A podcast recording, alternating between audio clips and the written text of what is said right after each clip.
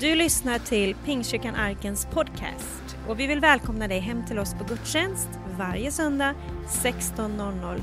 Välkommen hem!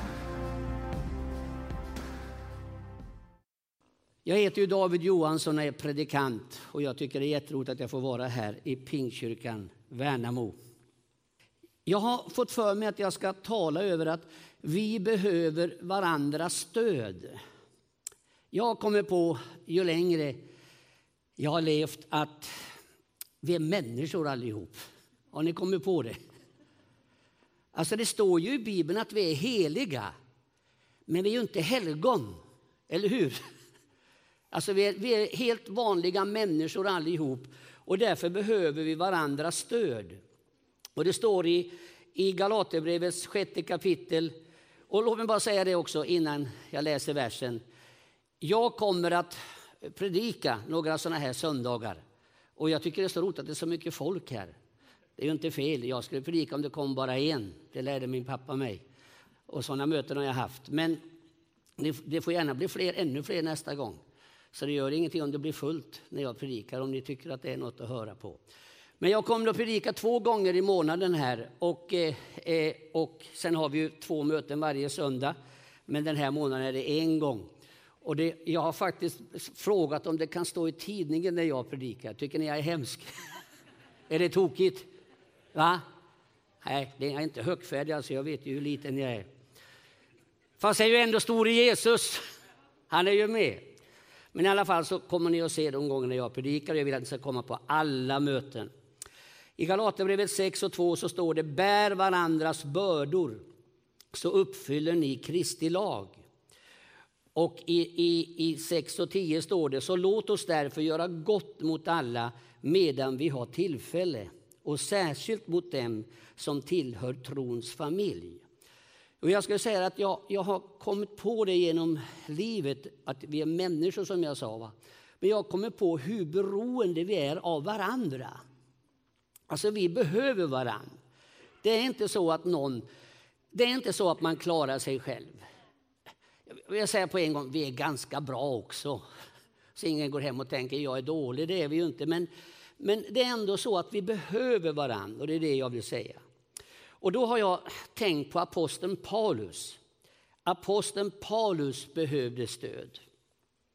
Han säger så här vid slutet av sitt liv. Jag har kämpat den goda kampen, jag har fullbordat loppet, jag har bevarat tron. Nu väntar mig rättfärdig segerkrans den ska Herren, den rättfärdige domaren, ge mig på den dagen och inte bara mig, utan alla som älskar hans återkomst. Där är på slutet, när Paulus ska summera lite grann, så är han jätteglad att han har kommit så långt och nu är det dags att flytta hem till himlen.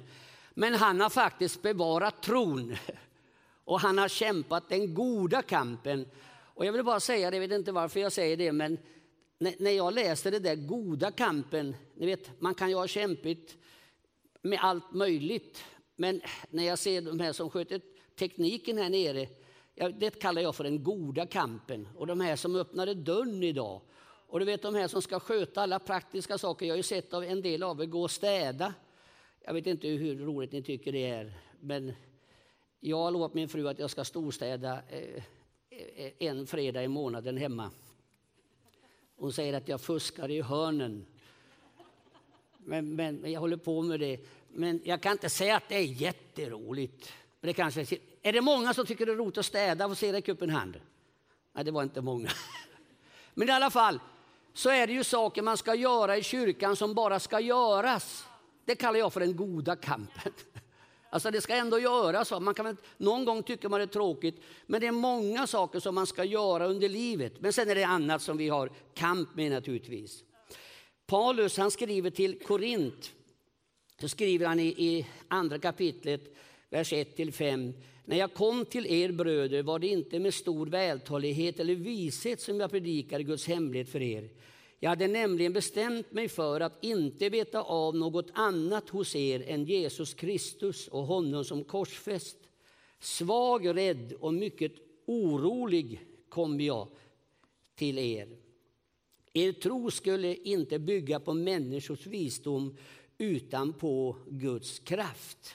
Alltså när, när Paulus skriver till Korint så berättar han att, att han kände sig svag, rädd och mycket orolig. Alltså Paulus han säger också att jag kommer till er med, för att det ska vara med visdom och det ska vara kraft. Paulus han var uppfylld av Guds kraft, det var han. Men han var ändå orolig, han var svag och han var rädd. Och jag tror att Paulus skriver det här för att församlingen ska fatta att jag är också rädd ibland. Jag är också orolig ibland. Och därför när jag kommer till er, så tänk på mig. Tänk på mig när jag kommer.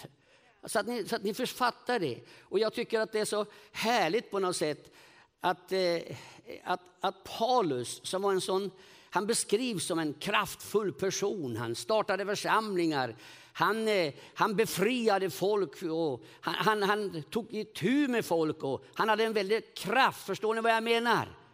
Men tänk att den karln, han var orolig, han var svag och han var rädd. Men han räknade med Gud. Men han hade också en rad av människor som hjälpte honom. Och vi vill ju att alla ska bevaras i tron, eller hur? Alltså vi, det är ju inte bara det att vi ska få hit någon till kyrkan och så ska vi be för den människan och så ska den säga nu är jag frälst. Vi vill ju att alla ska komma till himlen, eller hur? Så vi, vi har en, en utmaning på det och det tror jag vi kan hjälpas åt. Jesus han liknar ju det här med, med att vinna människor för Gud och att vi ska ta hand om varandra med, med fiske. Och, och, min pappa, som jag ofta kommer att nämna om, det får ni ursäkta, men han är ju mitt stora föredöme på många sätt. Men han tog ju med oss ibland ut på fiske. Och för många år sedan, pappa har ju varit, flyttade hem till Herren 1995. Men det var inte så lång, långt innan, kanske tio år innan, så var, tog han med oss ut och fiskade. min bror Gunnar är också predikant. Och så for vi till en, en kärn där vi skulle fiska och så var det en, en, eh, en bäck som rann där. Och eh, då började vi fiska öring och röding. Och jag följde pappa. Jag, bara en parentes, Gunnar och jag har skilt oss lite. Jag har hållit mig till pappa ganska mycket. Gunnar han sa till mig tidigt att du, vi har faktiskt våra egna liv. Men jag har hållit mig efter pappa så jag följde honom. Och eh, pappa gick efter den där bäcken och Gunnar stannade kvar vid, vid kärnen, vid mynningen där. Och så när vi är, det var ju mycket ris och träd och så där och man såg inte så mycket, så ropar Gunnar. Jag har fått flera fiskar här, kom. Och det är klart jag blev nyfiken. Så jag, jag började gå åt hans håll. Då. Pappa stannade kvar och så gick jag åt Gunnar. Och, jag har fått åtta stycken, ropade han. Och, och jag går mot honom. Och när, när, när, jag ser honom komma där så går han med spöet och så har han ju en plastpåse.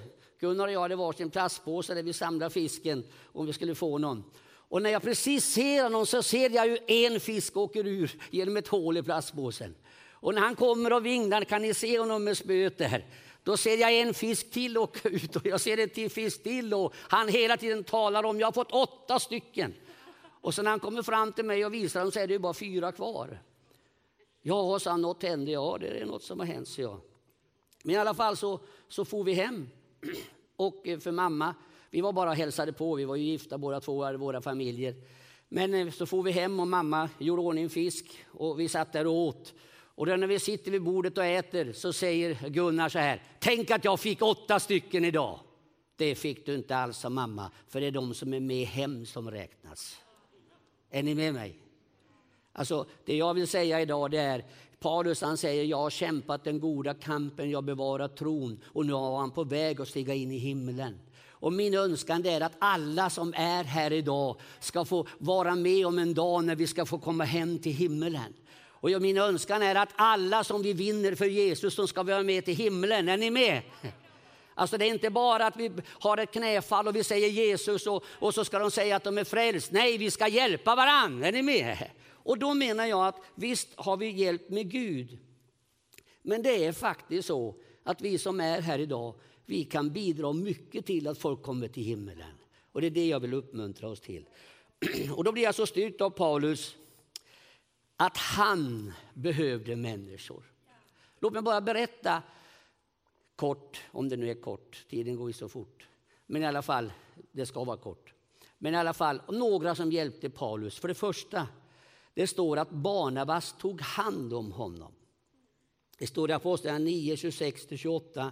När han kom till Jerusalem försökte han ansluta sig till lärjungarna, men alla var rädda för honom eftersom de inte trodde att han var en lärjunge. Då tog Barnabas hand om honom. Han förde honom till apostlarna och berättade för dem hur Salus hade sett Herren på vägen. Att Herren hade talat till honom och att han i Damaskus hade predikat frimodigt i Jesu namn. Sedan stannade Salus hos dem och han gick in och ut i Jerusalem och predikade frimodigt i Herrens namn. Alltså, när Paulus kom och skulle komma in i gemenskapen så var det en del som var tveksamma till vad är det för karl då? Vad ska han göra här då? Vem är han? Och då finns det en Barnabas. I gamla översättningen så står det han tog sig an honom. Och det jag menar är att vi behöver fler Barnabas i arken. Alltså vi behöver människor som tar sig an varandra. Och jag tror att, jag vet inte hur, eh, hur mycket hur många gånger du har varit här, eller jag vet inte hur lätt det är att komma in i arken.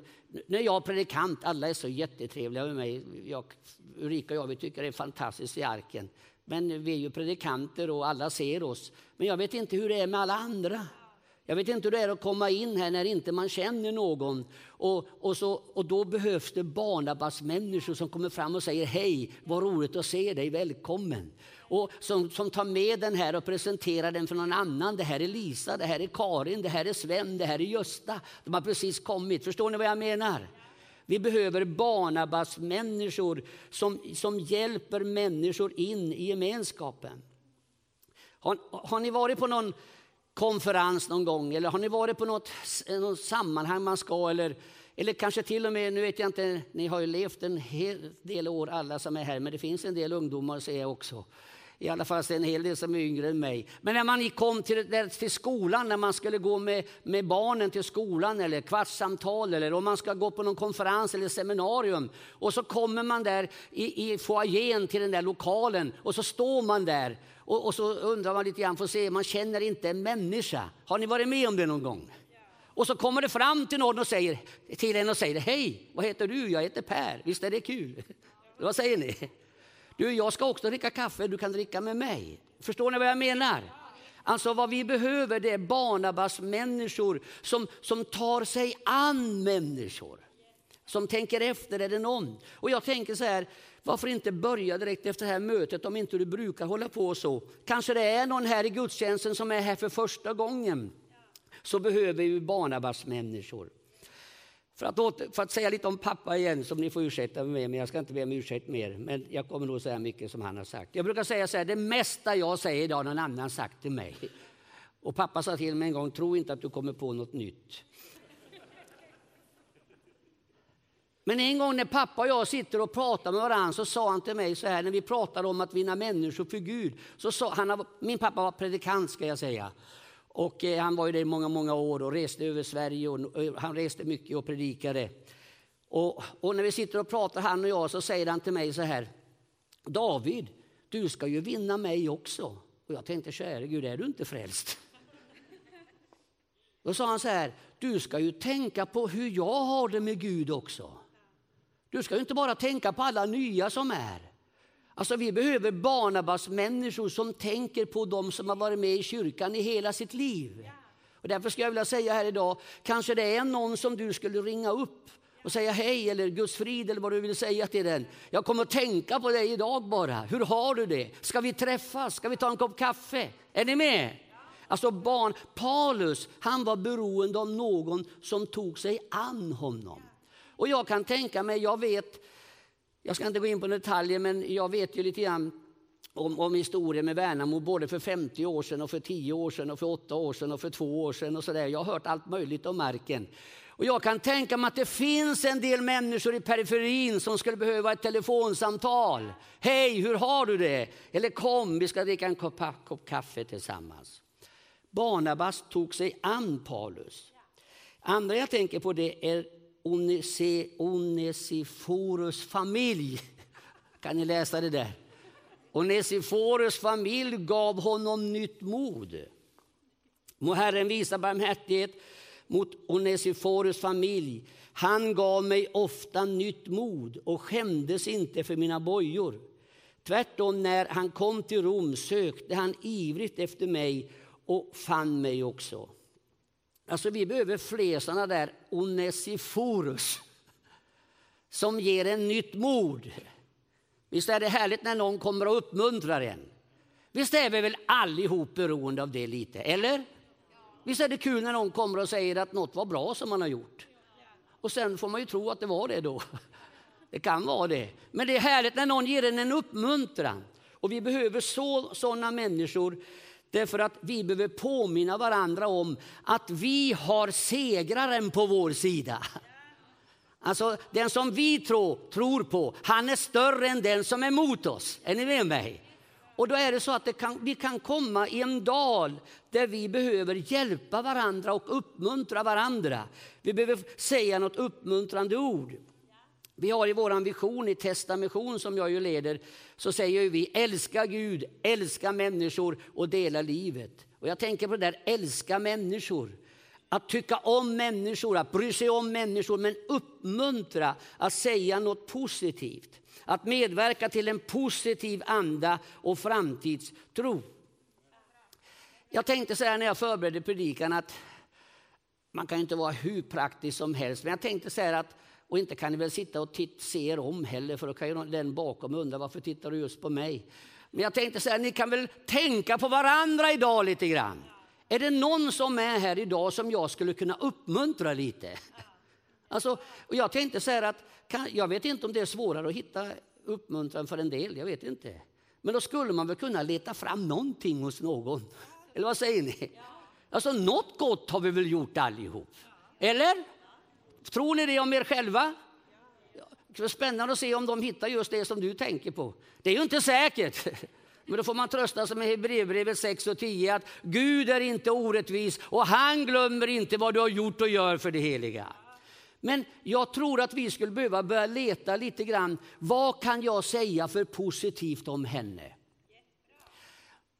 Pappa han sa att eh, om det var någon som gjorde något tokigt, då sa han så här, ja men du vet ju inte vad som hade hänt honom på morgonen.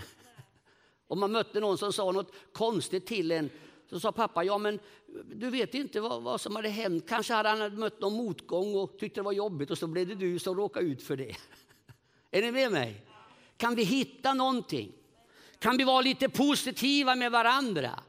Det är klart vi gör tokiga saker också, men nu pratar jag om att mitt i våra brister och felaktigheter så skulle vi lyfta varandra lite grann.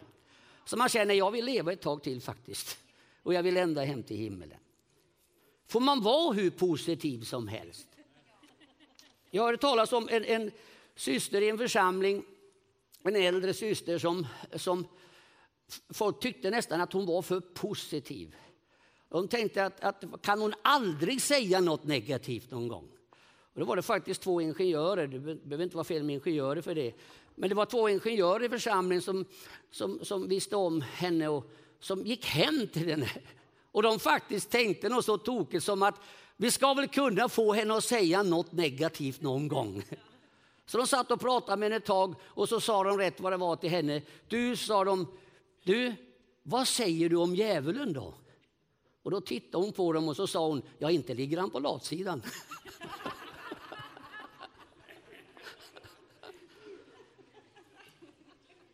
Vi behöver uppmuntra varandra, är vi överens? Kanske vi till och med kanske du skulle titta på någon efter den här gudstjänsten och tänka, ja men något gott kan jag väl säga till henne. Något gott kan jag väl säga till honom. Vi behöver inte ljuga för det. Tycker du att hennes klänning är ful så säg inte att den är snygg, det är inte det jag menar. Och tycker du att skorna på gubben är dåliga så behöver du inte säga det, men hitta något annat. Alltså Paulus, han, han var beroende av sådana där människor som gav honom nytt mod. Jag tänker på Agabus. Det är konstiga namn idag, men ni får gå hem och läsa om dem sen. Agabus, han gav honom profetisk hälsning. Det behövde han också. Det står i Apostlagärningarna 21, när vi hade varit där i flera dagar kom en profet som hette Agabus ner från Judeen. Han kom till oss, tog Paulus bälte och band sina fötter och händer och sa, så säger den helige ande, den man som äger detta bälte ska judarna i Jerusalem binda så här och överlämna i hedningarnas händer. När vi hörde det vädjade både vi och de som bodde på platsen till Paulus att han inte skulle gå upp till Jerusalem. En profetisk hälsning räddade Paulus från detta så att han inte åkte dit han hade tänkt. Och Jag tror att vi behöver fler som profeterar. Vet ni vad profetera är? Jag har en känsla av att det var mer av profeterande förr i tiden än vad det är idag. Nu menar jag ändå att det ska vara ordning och reda. Jag menar inte att man behöver resa sig i gudstjänster och skrika så säger Herren. Jag brukar, ställa, jag brukar säga så här, det är bättre att man säger något och publiken säger det där, sa Herren. Än att man säger själv det, så säger Herren och så undrar de andra, var det verkligen Herren? Alltså jag menar att det kan ändå vara lite ordning och reda. Men jag brukar själv bedja, låt profetisk anda vara över mig. Låt profetisk anda vara över den här gudstjänsten. Och jag tänker faktiskt mera på vardagslivet än vad jag tänker på just gudstjänstlivet att om vi ber att profetisk anda får vara över oss och så träffar vi våra grannar, våra bekanta, vi har kafferep ihop, vi sitter och fikar någon kväll hemma hos någon och så är det någon av oss som får säga någonting till vår goda vän. Och vad, och vad tänker goda vännen? Det där måste Gud ha sagt. Det där kan hon inte ha kommit på själv. Hon vet ju inte om hur vi har det. Förstår ni vad jag menar? Alltså jag skulle säga så här, vi behöver mer av profetiska hälsningar. Vi behöver mer av profetisk anda. Vi behöver mer av himlen överhuvudtaget i våra liv och inte minst i vårt vardagsliv. Paulus, han blev varnad, han blev räddad genom en profetisk hälsning. Det är härligt när man får en profetisk hälsning. Man kan få det i gudstjänst också. Vilken styrka det är när man bara upplever det här är Gud. Jag minns när jag, när jag skulle skulle, eh, eller jag var pastor i Västervik, det är ju många år sedan. Min första föreståndartjänst. Jag var bara 28 år när jag blev det, men det hade gått några år. Och så upplevde jag för mig själv att, att jag skulle flytta. Och ibland eh, så tänker man att pastorerna skyller väl på Gud när de säger att det är Guds ledning. Det kan vara så också att de är trötta och vill iväg. Men i alla fall så upplevde jag det. Jag upplevde att jag ska till Luleå som pastor. Det var lite bökigt för mig, för det enda jag hörde det var att de tänkte på en annan. Och, och, och, och sådär. Men jag tänkte, käre Gud, är det rätt det jag går och tänker eller? Och sen så, det hade gått några månader, jag tänkte jag ska aldrig få höra någonting. Då, då fick jag äntligen höra något och då sa de att nu har de kallat en annan och han kommer. Och jag tyckte det var jobbigt. Jag tänkte, ska man, jag har ju upplevt i mitt hjärta att jag ska dit. Ska jag inte dit då som pastor? Men så är jag på en bönedag i Överum, ligger utanför Västervik. Och jag ligger faktiskt på knä. Förr i tiden, ja, nu har ni varit med en, en, del ni som är här, men då böjde man ju knä mot en bänk. Och, och jag vet inte hur ni gör, men jag brukar faktiskt eh, lägga ner ah, huvudet så här, så kör jag in näsan i armbågen där. För att då kan man ju prata lite hemligheter. Jag har svårt med det här nu för tiden, ska jag erkänna, när alla ska stå upp. Då kan man ju inte säga, käre Gud hjälp mig med frun, hon var bökig i morse. Jag tycker det är bökigt. Ja, Jesus, du vet om äldstebröderna, hur ska vi ha det med dem? Va? Jag tycker det är bättre det här. Ni, förstår ni vad jag menar? Så jag tycker det är fint. In med näsan i armvecket där. Jag körde in min näsa i armvecket och böjde knä och så viskade jag till Gud och så sa jag Gud, sa jag, det här är min stora fråga. Ska jag till Luleå eller inte? Hur blir det med det här? Du som ber om din stora fråga, säger en längst ner i lokalen. Och jag, käre Gud, du kan bara ta det lugnt. Det här kommer att ordna sig. Visst är det häftigt? Han kunde inte höra det. Är ni med mig? Och bara någon vecka efteråt så ringer vice föreståndaren från Luleå och säger du, vi har tänkt på dig och undrar om du ska komma hit. Ja, så jag, det, det låter intressant. Men min poäng just nu var att tänk vad härligt det är när någon kommer med ett profetiskt budskap. Skulle vi kunna be till Gud, att, vi behöver inte be precis nu, men skulle vi kunna be var och en att låt profetisk anda komma över oss? Låt mig få säga någonting till min granne. Man behöver inte veta om när man profeterar. Det gör väl ingenting om inte jag vet det, bara han vet det. Är ni med? Vitsen är ju inte att jag säger att Gud har sagt, jag blir alltid lite reserverad när någon kommer och säger Gud har sagt och Gud har sagt det. Kan de få säga om de vill, men det är ju härligare om jag säger det där, måste Gud ha sagt det. Så Paulus han var beroende av den där Agabus som hjälpte honom. Jag tänker på Priska och Aquilla. Ni kan väl alla de här namnen. Priska och Aquilla riskerade sina liv för honom. Hälsa Priska och Aquilla, mina medarbetare i Kristus Jesus. De har riskerat sina liv för mig, och inte bara jag utan alla hedna kristna församlingar tackar dem. Alltså, han, behö, han var beroende av någon som riskerade lite grann för att umgås med honom. Om jag kan förklara vad jag menar. Han har en annan eh, medarbetare som hette Epafras som till och med följde med Paulus och satt i fängelse tillsammans med honom. Epafras, min medfånge i Kristus Jesus, hälsar dig, står det i Filemon 1 och 23. Alltså, vi behöver sådana som är beredda att riskera lite för oss. Jag vill inte skrämma upp någon, men vi har, vi har ett missionärspar här i församlingen. Jag ska inte säga några namn, men eftersom ni är nyfikna och känner alla så kommer ni att komma på vem det är. Men då är det så att, att de ska åka till ett land i Latinamerika snart. Och då är, då är det så att då är det ett annat par för att stödja det paret så är de beredda att flyga över hela Atlanten och ända bort till Latinamerika för att stödja det paret. Förstår ni vad jag menar nu?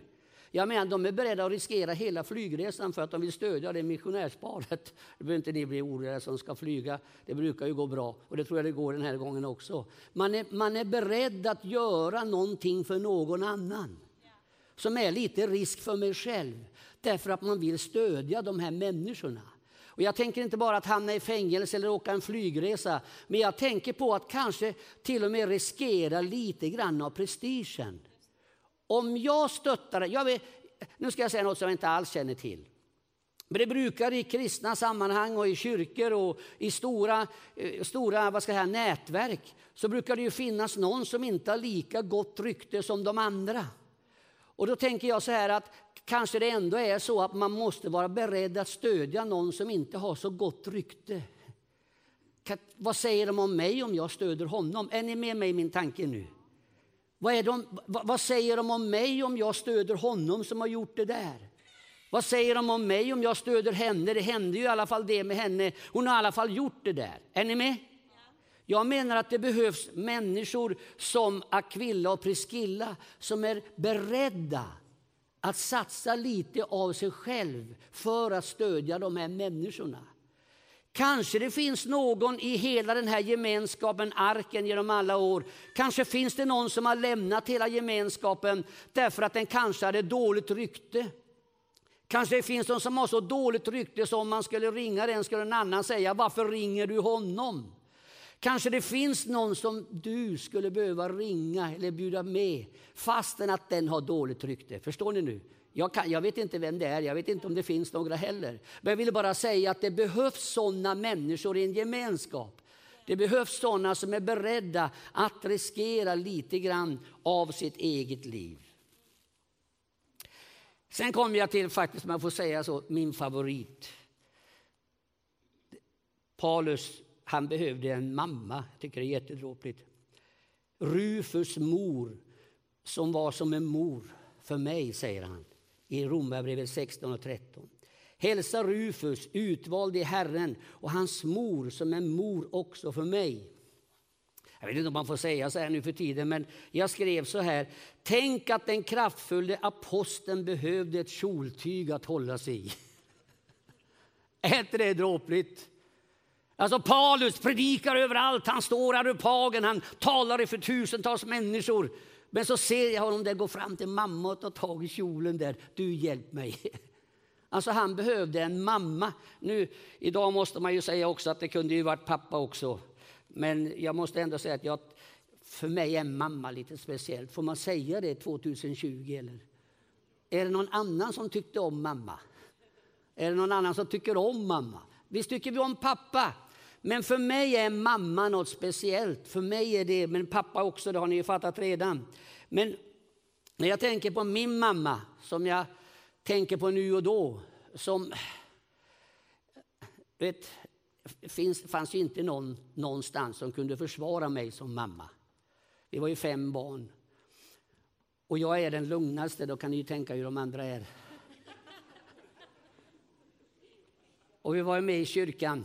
Och så tyckte, tyckte alltså jag tycker det själv alltså. Men, men i alla fall så när, när de skällde på oss barn i kyrkan och tyckte att vi hade ställt till en del saker. Vi hade ju lite rackartyg för oss.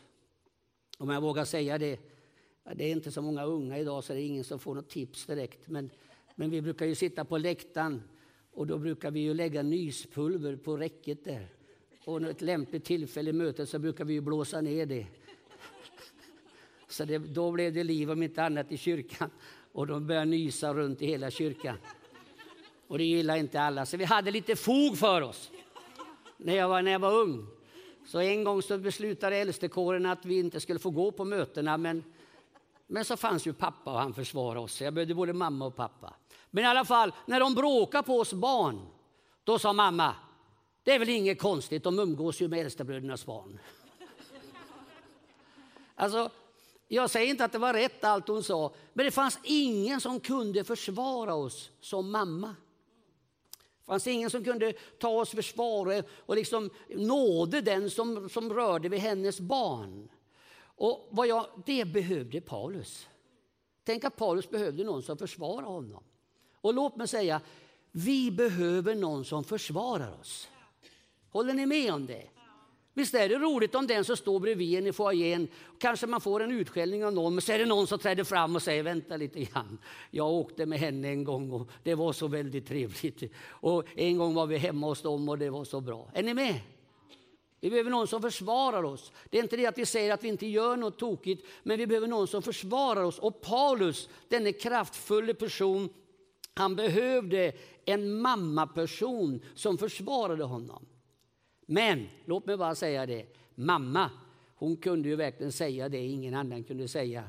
Alltså, hade jag klätt mig fel och predikade så fick jag ju veta det efteråt. Hade jag gjort något tokigt så kunde hon säga till mig och hon rättade mig. Och tyckte hon att predikan var dålig så berättade hon ju det för mig. Förresten, så, för att nu inte bara prata om mamma, för det är den här personen jag är ute efter. Så när jag, hade, hade, när jag skulle predika första gången och kom hem till pappa, och han var ju pastor, och jag var ju bara 17 år och jag hade verkligen förberett mig. Och jag eh, hade eh, förberett en predikan som det kändes bra. Man är alltid nervös när man ska predika, eller bävan, det har jag än idag, för man tänker, ska alla de här sitta och lyssna på mig? Men jag hade förberett mig. Och så predikade jag i 25 minuter, jag var bara 17 år. Så kom jag hem till pappa, vi sitter vid, vid vid köksbordet och, och så säger jag till pappa, vad tyckte du om predikan? Och då säger han, det var en väldigt bra predikan. Jag hade ju predikat i 25 minuter. Det var en väldigt bra predikan, sa han. Det var bara ett enda fel. Ja, sa jag. Jo, sa han, den sista kvarten kunde du varit tyst.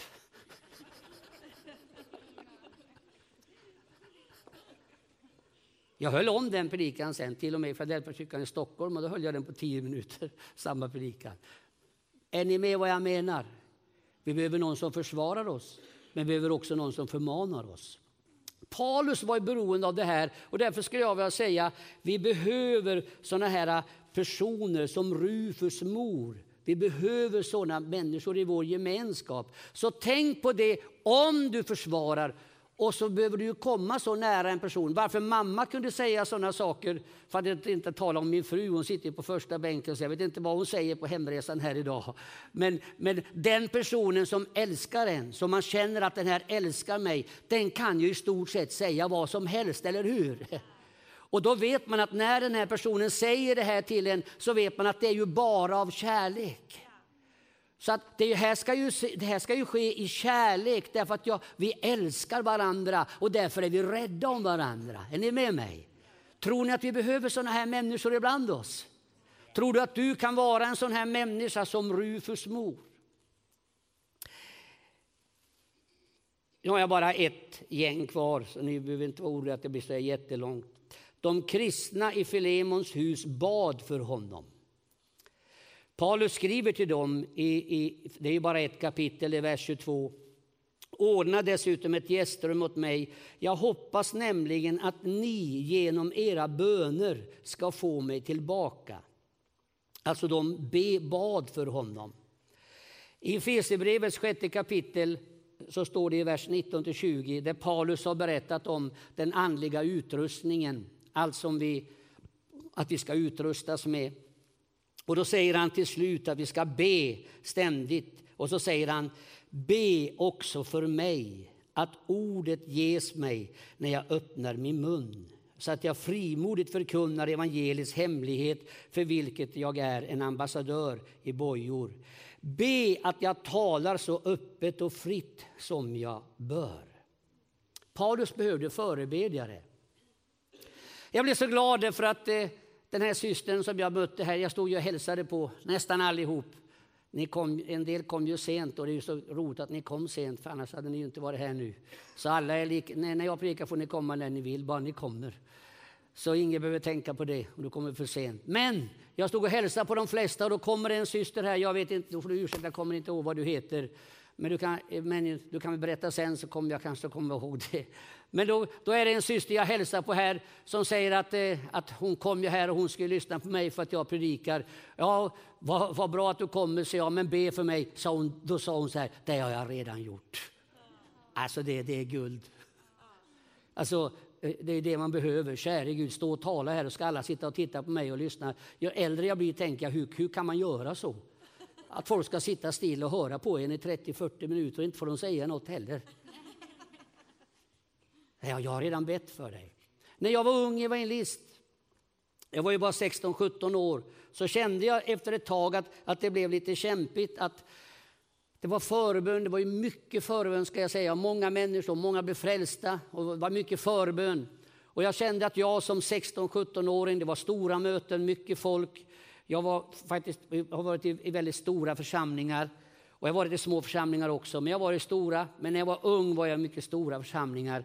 Och det var många som ville ha förbön och man skulle ju be för dem hela tiden. Och jag valde händerna på dem, jag bad överallt. Men så kände jag så här, vem ska be för mig då? Jag bad och bad och bad, 16-17 år och ja, och ibland gjorde jag fel också. Eh, men det ska jag inte berätta nu, det kan jag ta en annan gång, vid alla de där bönerna. Men jag kände så här, käre Gud, vem ska be för mig?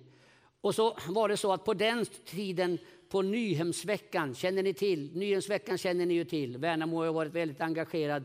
Kommer ni ihåg, ni som har varit med några år, att förr i tiden så var det, eh, jag tror det var en eller två tider på veckan så var det, eh, vad heter det, fick man komma och få förbön. Det kunde vara köer på 200 och 300 människor som stod de i kö. Är det någon som kommer ihåg den här tiden? Det var så förbön, man fick komma. Det var det på din tid också ja. Ja, även inför så, så sent. Men i alla fall, och då tänkte jag så här eh, eh, en gång, Georg Gustafsson, kommer ni ihåg, ni som är äldre, han höll ofta i det där. Och så tänkte jag en gång när jag kom till Nyhem då, då i början där att ja, men nu tar jag chansen och så får jag förbön här. Och jag, jag hade ju ingen annan önskan än att jag springer och ber för alla, kan inte någon be för mig någon gång? Och, och, och så ställde jag mig i kön, fick stå där ett bra tag. Och när jag kom fram, och då hörde till saken att genom pappa Pappa var förhållandevis känd i pingströrelsen och han kände alla i stort sett som höll på med konferenser och sådär. Så när, jag såg ju redan innan jag var på väg fram att de där två som höll, tre stycken som höll på med den där bönen och bad för alla, de visste ju vem jag var.